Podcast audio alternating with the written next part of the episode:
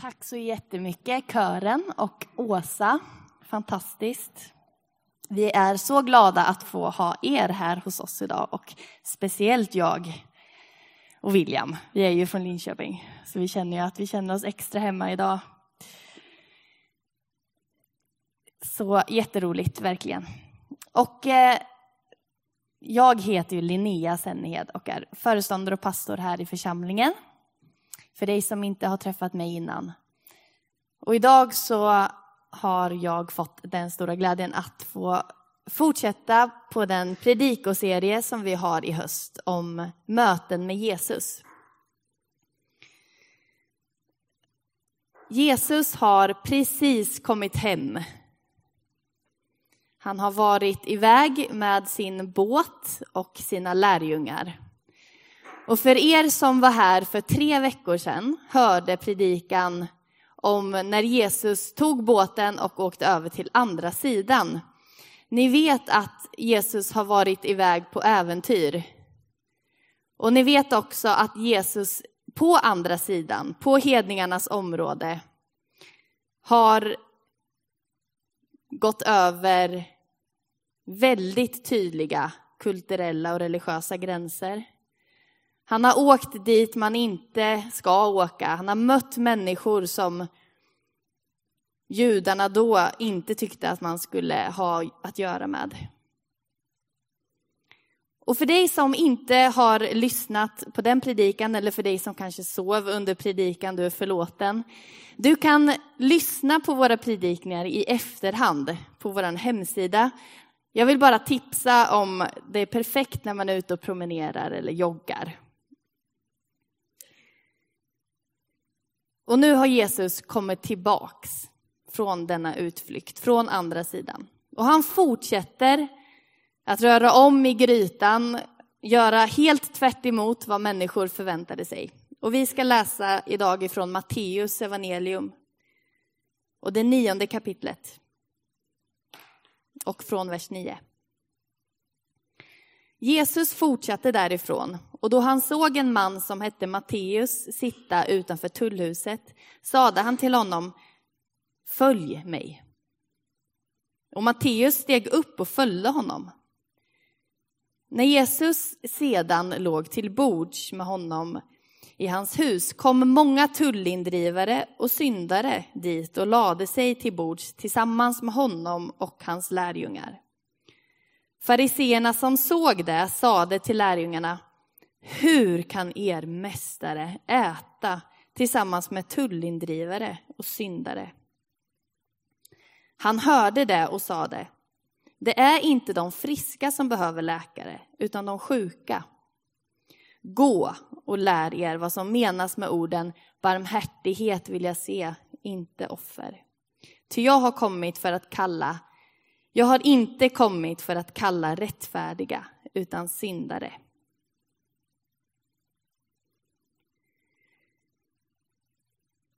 Jesus går in i stadsporten. Han går in i staden, i sin egen hemstad. Och där möter han en syn som man mötte varje dag. Varje gång man gick in eller ut ur staden, i vilken israelisk stad som helst, så fanns där tullindrivare. Och de satt och höll koll på varor, människor, judar som hade varor som skulle antingen ut eller in i staden. Och ingen kom igenom där utan att tullindrivaren begärde pengar en skatt för de där varorna. Och de där pengarna, de gick ju direkt till romerska kejsaren. För Israel var ju under ockupation och var tvungna att betala oerhört mycket pengar till, till eh, romarna. Men de här tullindrivarna var inte romare som satt. Nej, de var judar, precis som alla andra. Och det var judar som hade valt att arbeta, ta arbete hos fienden. Och de utnyttjade människors rädsla och skräck för denna kejsare. Så de hotade med kejsaren Och så fick de ut lite extra pengar. Att eh, ge lite mer så ska vi se till att du inte behöver vara orolig. Och de där pengarna som tullindrivarna fick då, de åkte rakt ner i deras egen ficka. Och nu satt denna Matteus. Han satt utanför tullhuset, han gjorde detta jobb. Hur länge han har gjort det här jobbet eller hur han hade hamnat med detta jobb, det vet vi ju ingenting om. Vi vet bara att nu sitter han där. Vi vet också att han som tullindrivare är han avskydd som pesten av det hela det judiska folket. För att han var ansedd som en svikare, såklart. Svikare av folket, men kanske också svikare av deras Gud. Samvetslös. Och jag har svårt att tro att man utsätter sig för ett sånt yrke som man vet innebär just det. Ifall man inte redan ser sig själv som just svikare. Om man inte kanske redan är föraktad eller föraktar sig själv. Så även om vi inte vet någonting om Matteus så är det så jag tänker när jag läser om honom. Att han var nog ganska nere på botten, hade troligtvis inte så höga tankar om sig själv, vem, vem han skulle kunna bli eller vad han skulle kunna göra. Så jag ser framför mig en man med ganska sänkt blick, som inte möter människors blick frivilligt.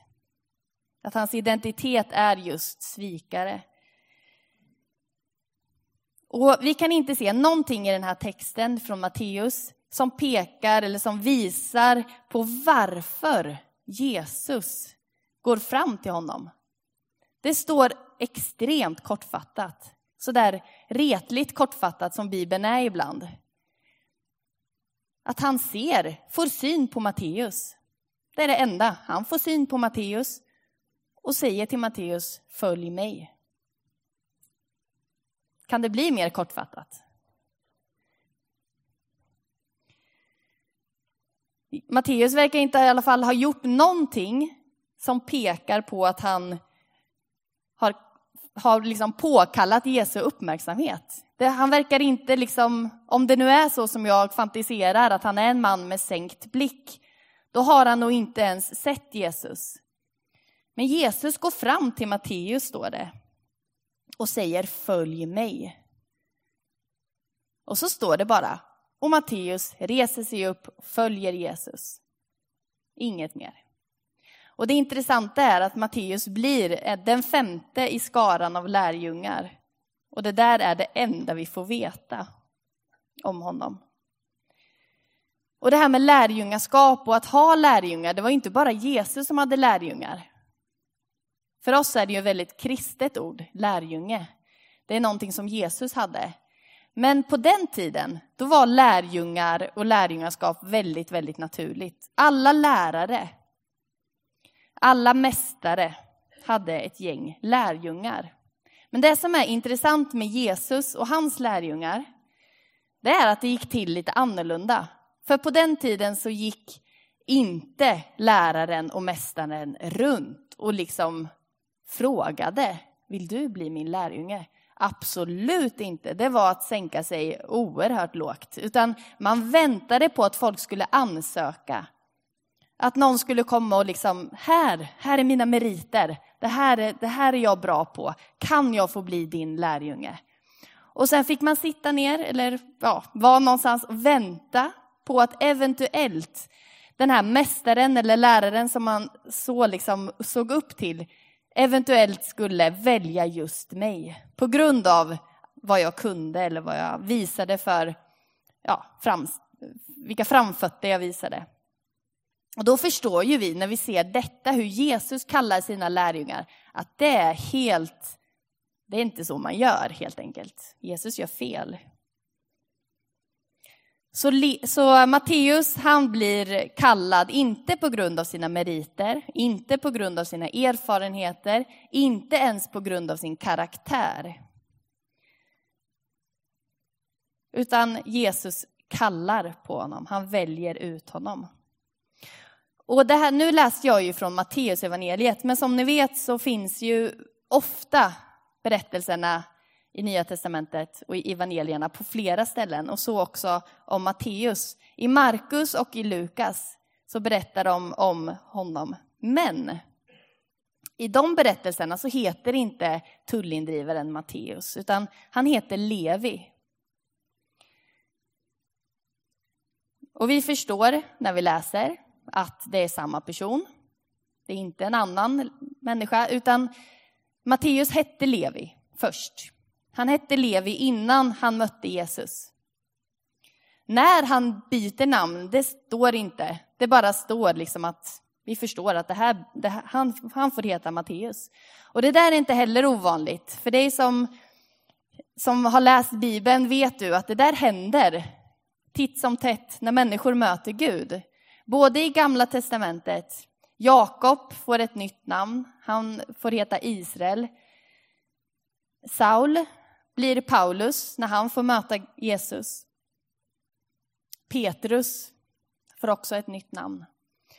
Så jag tänker att när människor möter Gud så blir det som att Gud ger dem en ny identitet. Han omdefinierar, skakar om deras liv och sen så är de inte samma person längre. De har fått ett annat mål och en helt ny start på livet. Och så där tänker jag att det blev med Levi när han blir Matteus. Matteus betyder Guds gåva. Så att tänka att, att Levi först med sänkt blick, föraktad av människor men också av sig själv. Han blir Guds gåva. Guds gåva till människorna runt honom. Han som har utsugit, han som har levt som en parasit på människor, han blir istället en gåva. Jag tycker att det är helt fantastiskt. Och sen tycker jag också att det är fantastiskt att Gud kallar vem han vill. Han bygger inte den kallelsen på meriter eller på erfarenheter eller på karaktär. Eller på rättfärdighet. Det spelar ingen roll hur långt bort man är eller hur avlägsen man är från relationen till Jesus. Det verkar som att det är så i Bibeln, att när Jesus möter människor med blicken, när han ser vem de verkligen är, så är det som att i det där mötet så blir de förvandlade och de blir också fria att göra som Levi. Helt plötsligt resa sig upp. Lämna det där gamla och börja följa. Och det är också väldigt spännande tycker jag, att vi inte vet när det där sker. Vi vet inte när Levi blir Matteus. Vi vet inte när ljuset går upp för honom, när han väljer att börja leva annorlunda. Vi vet inte när, han, när det händer någonting inom honom, ifall det är direkt. Han ser Jesu blick, han hör hans ord och sen bara direkt så, så blir han en ny skapelse. Eller om det är så att Jesus helt enkelt säger till Levi bara kom, följ mig. Och så reser han sig upp, följer Jesus. Och sen så börjar de gå tillsammans. Och Levi får vara med i Jesus gäng. Han får bli liksom en av dem. Och så kanske längs vägen att hans liv och karaktär förändras. Att han börjar att förstå, det där har med mig att göra. Tänk om jag också kan få bli en sån som får påverka människor. Tänk om jag också har ett mål, ett syfte med mitt liv som, som är mer och större än att bara leva för mig själv. Jag tycker det är spännande att vi inte vet. Det väcker i alla fall min fantasi. Ibland så talar man i kyrkliga sammanhang och i teologiska om orden, nu blir det lite engelska här, så nu får ni spetsa öronen, om orden belong, believe och behave. Alltså tillhöra, tro och uppföra sig. Och man brukar prata om i vilken ordning ska de där tre orden komma. Och man brukar säga att det oftare var så tidigare att man förväntade sig att man skulle uppföra sig först. Behave kom först. Och att tron kom där och till sist kanske man kunde tillhöra då om man visade att, man, att, man, ja, att det hade hänt någonting så att säga i, i ens liv. Men allt oftare så, så talar man om att man kanske borde snurra runt de där orden. Att få tillhöra, belong, att det börjar där. Att, tro, att eh, tron får komma och att det med, med eh, tiden gör att karaktären och livet ändras. Att man inte kan förvänta sig att en människa ska förstå hur man ska leva innan man har fått se eller fått känna gemenskap eller fått känna kärlek från andra människor och Gud. Så belong, believe och behave. Det skickar jag med som en liten utmaning till oss. Hur, kan det, hur påverkar det hur vi möter människor? Hur påverkar det hur vi lever som församling?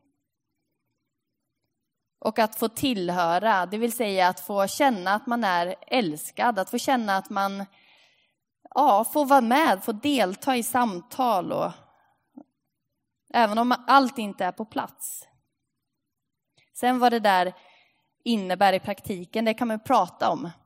Men att känslan av tillhörighet, det verkar som, som sagt, i min fantasi, jag kan inte säga att det var så, men att det kanske var så, att Jesus kallade till gemenskap, kallade till efterföljelse och att någonting hände i den där gemenskapen med Jesus.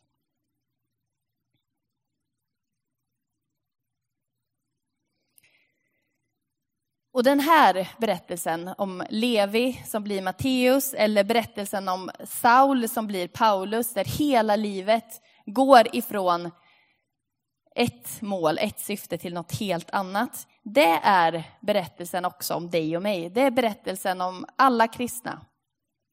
För mig som eh, ung vuxen så blev det min berättelse. Att jag hade varit kristen hela, hela mitt liv. Jag har aldrig tvivlat på om Gud finns. Jag har alltid vetat att det finns en Gud och man kan be till honom. Men när jag blir lite äldre och, och eh, frågorna lite större och även ångesten och oron väldigt påtaglig i mitt liv, då blev det... Jag jag var på väg någonstans. Jag visste inte vart jag var på väg. Det var det som var problemet. Jag kände mig väldigt osäker. Alla andra valde universitetsutbildningar, kände liksom att det här ska jag göra med mitt liv. Jag tänkte, jag har ingen aning. Jag vet bara, jag kan räkna upp allt som jag inte vill bli. Det går jättebra. Jag vill inte bli läkare, jag vill inte bli lärare, jag vill inte bli...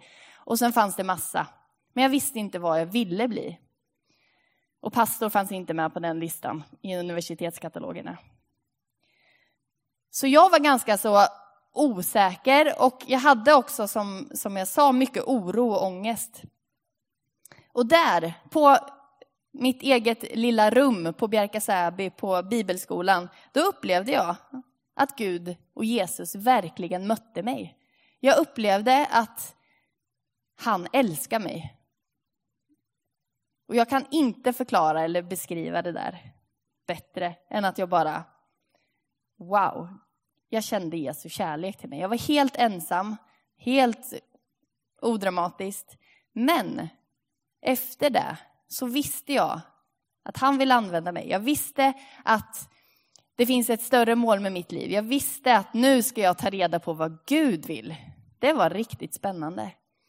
Jag vill ta reda på vad han har för planer. Jag vill ta reda på vad han har tänkt, varför han har skapat mig till den jag är, varför jag är som jag är. Och jag kände en oerhörd längtan efter att få leva det där livet för Jesus. Så då tänker jag, om inte Jesus hade mött mig, om inte det där hade hänt, vart hade jag varit idag? Och den frågan vill jag ge till dig också. Tänk efter, vad hade du varit om Jesus inte hade mött dig? Om du inte hade blivit sedd av hans blick, om du inte hade fått tag i det nya livet. Jag vet inte var du hamnar i dina tankar, på vilket sätt det gör ont eller ja, hur det, vad, det får, vad det gör att du känner. Men jag hoppas att det ger dig tacksamhet. Jag hoppas att det ger dig en förståelse av om Gud kan göra det i mitt liv, varför skulle han då inte kunna göra det i alla människors liv? I dina syskons liv, i dina kusiners liv, i dina grannars liv, arbetskamraters liv. Människor runt oss som du möter på stan, på Maxi eller vart du än handlar. Varför skulle Gud inte kunna göra precis det? Han har ju gjort det för dig. Han har gjort det för mig. Och det utmanar mig att förstå när jag tänker på det. Gud har ju faktiskt gjort det. Det var ju faktiskt ett under. Han gjorde någonting i mitt liv. Så när jag ibland inte tror riktigt att Gud skulle kunna möta en speciell person eller förvandla dens liv, då tänker jag, låt oss påminna om Paulus, låt oss påminna oss om Matteus. Han blev en viktig lärjunge, apostel. Han var ingenting innan Jesus mötte honom. Och det där är eh, berättelsen om oss, det är berättelsen från Bibeln och det är berättelsen som vi är kallade till att leva för.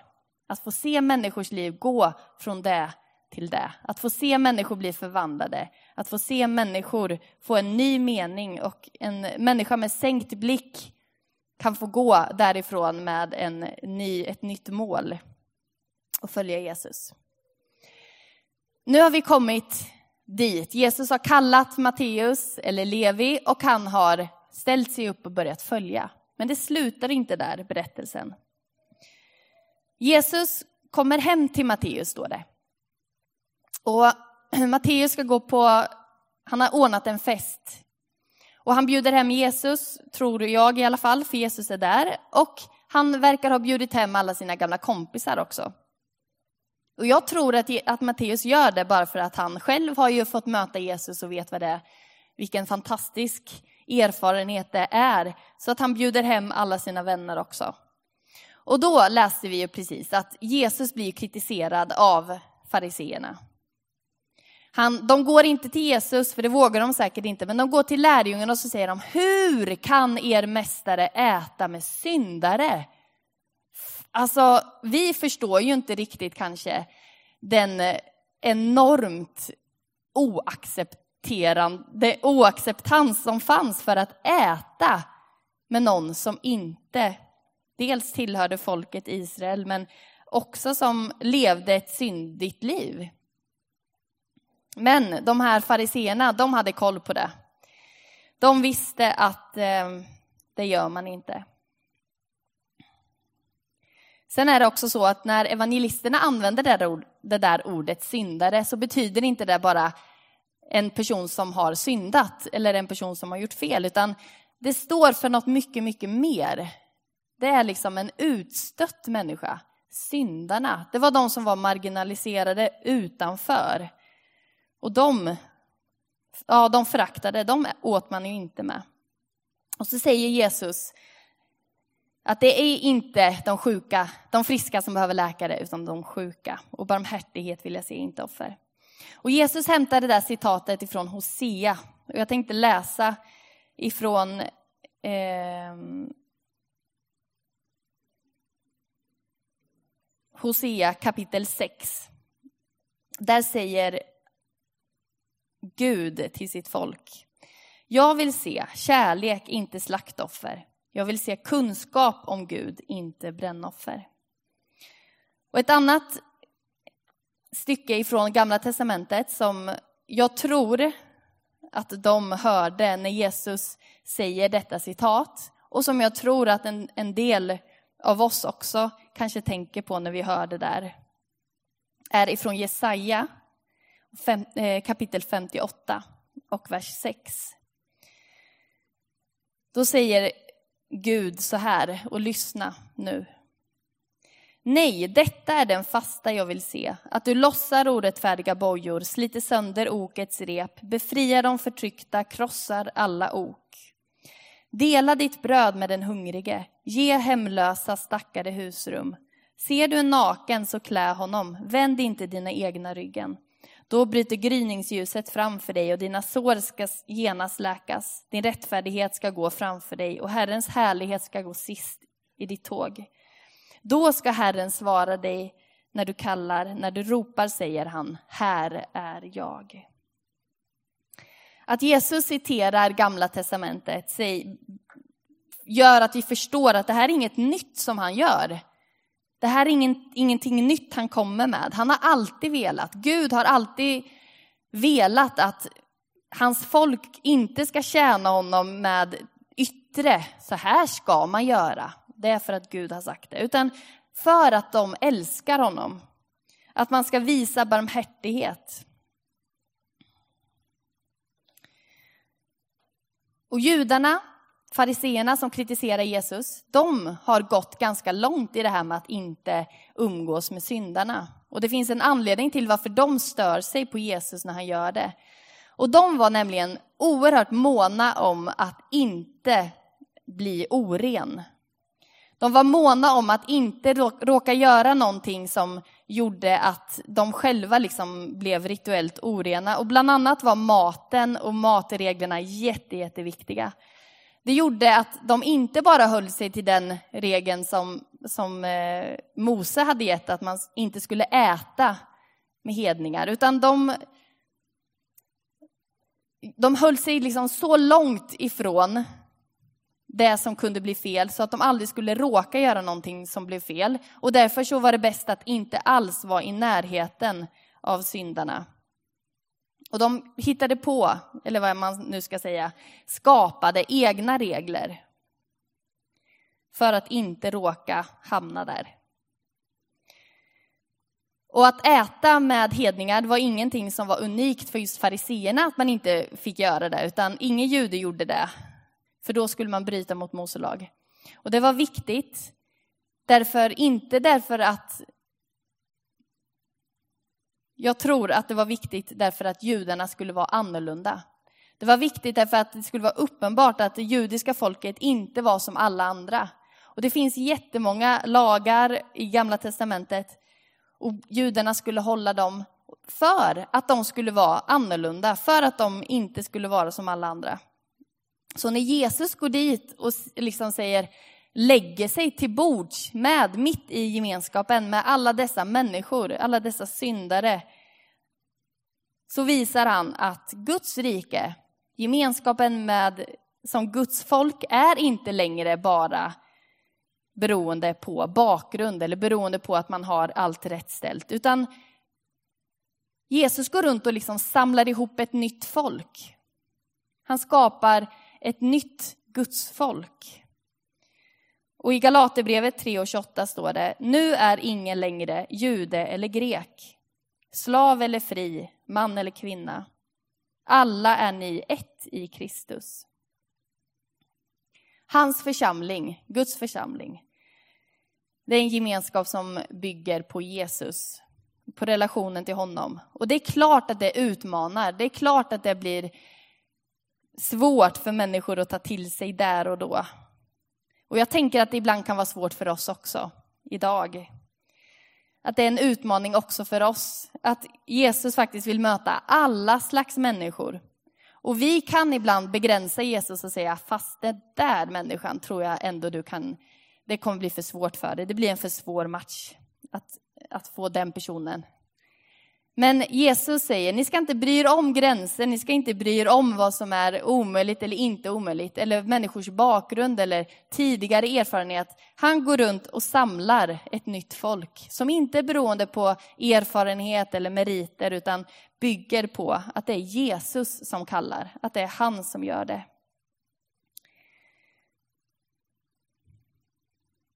Och till avslutning så vill jag säga någonting om det där, den där kallelsen, det är till dig. Levi satt utanför tullhuset med sänkt blick. Det där är du och jag.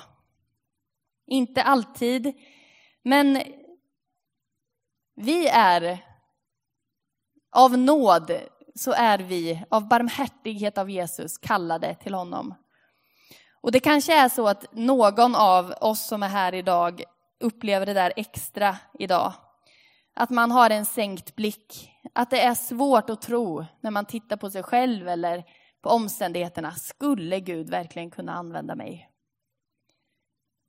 Välkommen till klubben, vill jag bara säga. Så tänker jag mer ofta än du någonsin kan tro. Skulle Gud verkligen kunna använda mig? När jag känner så här eller när jag tänker så. Men det är i Jesus som vi får, det är på Jesus vi får titta och det är i honom som vi får kraften att vara det han vill att vi ska bli. Så sista ordet är inte sagt. Vilket liv du än lever, hur den ser ut. Och det kanske bara är, det är bara du som vet det. Sista ordet är inte sagt. Gud har sagt någonting annat om dig än det som kanske har blivit. Gud har kallat dig till någonting mer och han har kallat dig att leva för någonting annat än bara för sig själv. Så är det för mig också och så är det för dig. Och du som kanske tvekar på grund av att meritlistan inte finns. Du har inte någonting att visa upp. Du har kanske inte någonting. Men även dig vill Jesus kalla. Även dig kallar Jesus på idag. Han vill möta din blick och upprätta dig. Och visa dig vad han har tänkt. Och ge dig ett nytt namn, Guds gåva. Tänk att du är Guds gåva. Andra Korinthierbrevet 5 och 17 säger, den som är i Kristus är alltså en ny skapelse. Det gamla är förbi, något nytt har kommit. Det är vad som händer när vi överlåter och överlämnar allting till honom. Och till sist till oss som församling vill jag också ge en utmaning. När jag förberedde den här predikan så skulle jag äta lunch, för det måste man ju. Även när man förbereder en predikan. Och så slog jag upp en tidning som låg framför mig, nämligen tidningen Dagen.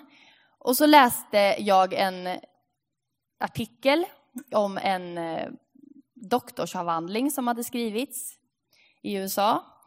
Och eh, den doktorsavhandlingen handlade om varför svenska pastorer slutar i förtid. Och han som har gjort den här avhandlingen menade att det berodde på att pastorerna dels inte hade någon bra arbetsbeskrivning. Nu undrar ni var jag är på väg. Och att de hade en otydlig, de visste inte riktigt varför. Vad vill församlingen egentligen att jag ska göra? Och då menar den här författaren eh, att det beror ju på att församlingen själva vet inte varför de finns. De vet inte vad de ska göra. De vet inte därför vad de ska säga till sin pastor att göra. Och han säger, församlingen måste vara relevant för samhället. Samhället förändras hela tiden, budskapet om Jesus gör inte det. Men vi måste vara relevanta. Det betyder inte att vi ska ändra på någonting i budskapet om Jesus, för det är relevant. Budskapet om Jesus är relevant, men det är inte alltid församlingen är lyckas att kommunicera till människor runt oss. Och det kan vi väl vara ganska så ärliga med varandra och säga att vi inte heller lyckats alltid så bra med. Men församlingen är till för staden. För att vara ett ljus.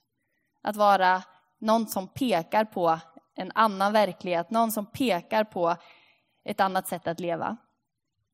Och när vi inte lyckas med det, när människor inte ens vet att det finns en församling, när människor inte får höra om det som vi pratar om här, då har vi inte lyckats, tänker jag. Och varje år så har vi som församling valt att göra så, såklart, man måste ha en budget, det har vi också. Men inte bara göra en budget sådär, det här behövs för att vi ska finnas till för oss själva och funka, utan vi har sagt så här som församlingsledning, att inför varje år så ska varje råd och varje verksamhet i vår församling tänka, vad vill vi, vad vill vi satsa på? Och för att församlingen ska kunna göra det så behöver man få en riktning och en inriktning. Och då har vi som pastorsteam och församlingsledning inför det här året sagt att vi vill vara till för Motala. Vi vill att det ska vara tydligt att vår församling inte är till för oss själva utan för människor som inte redan är med. Och utifrån det så får råden tänka, hur ska vi, hur ska vi i barnverksamheten lyckas med det? Hur ska vi ungdomsarbetet göra? Och hur kan vi ännu mer bli till för vår stad? Vi vill synas som församling och växa och därför så behövs det. Och låt mig avsluta med en kort berättelse bara. Mattias, min man, han var pastor i Linköping tidigare och då så mötte han några unga religionslärare, eller de var inte lärare än, de skulle bli det. De var studenter, läste religion i Linköping. Och de var på studiebesök i Pingstkyrkan. Och när de hade varit på mötet så var de helt så uppe, de var jättepositiva. Och så sa de till Mattias, det är helt otroligt, wow, att det är så här många människor, att det var så bra, jag förstod vad som sades. De var helt liksom förvånade och uttryckte det väldigt tydligt till Mattias. Och då så sa han, när han märkte att de var så positiva, sa han, men vet ni, ni kan få komma när som helst. Ni får alltid komma till kyrkan. Och då sa de, va? Jätteförvånat. Du menar alltså att jag som inte är med i Pingstkyrkan kan komma till en gudstjänst? Och det ska sägas också att de här personerna faktiskt bodde i Motala. Så Mattias har påmint mig om det några gånger. Att de hade inte förstått att de faktiskt fick komma på gudstjänst i Motala pingstkyrka.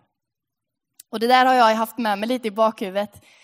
Eh, och i vår expedition, pastorsexpedition, har vi ett stort skyltfönster. Och där står det numera fler, på flera olika sätt att du är alltid välkommen. Du vet väl att du alltid är välkommen att fira gudstjänst hos oss halv elva varje söndag. Jag tänker att vi kan inte säga det tillräckligt ofta. Människor vet inte att man kan komma på gudstjänst.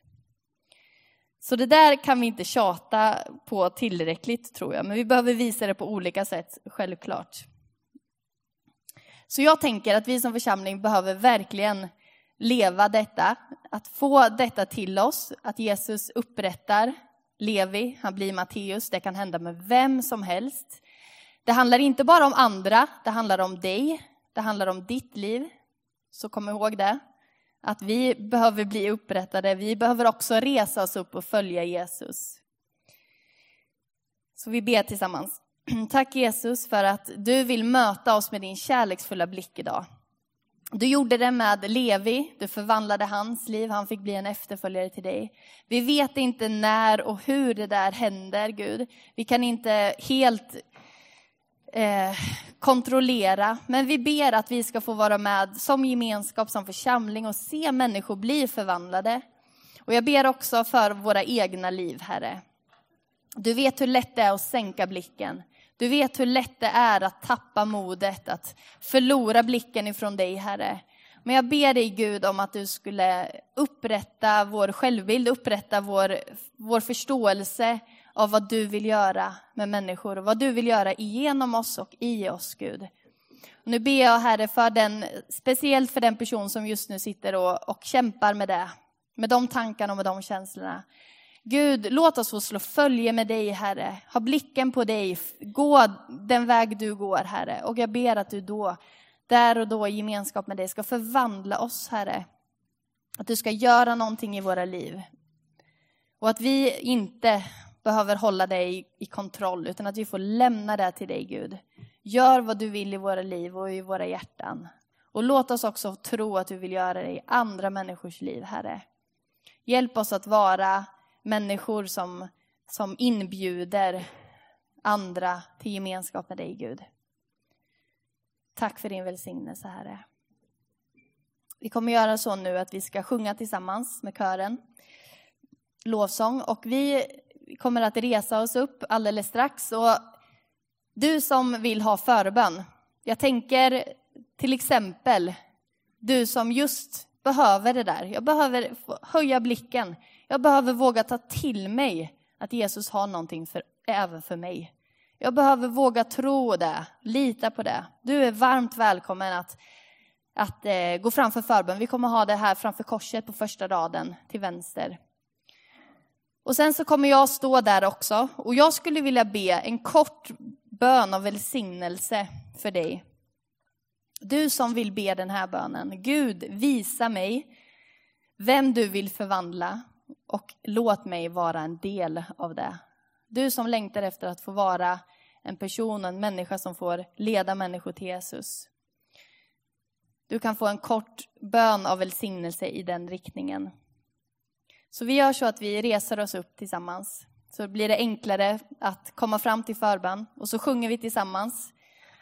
Och du är varmt välkommen att eh, komma fram och få ta emot förbön.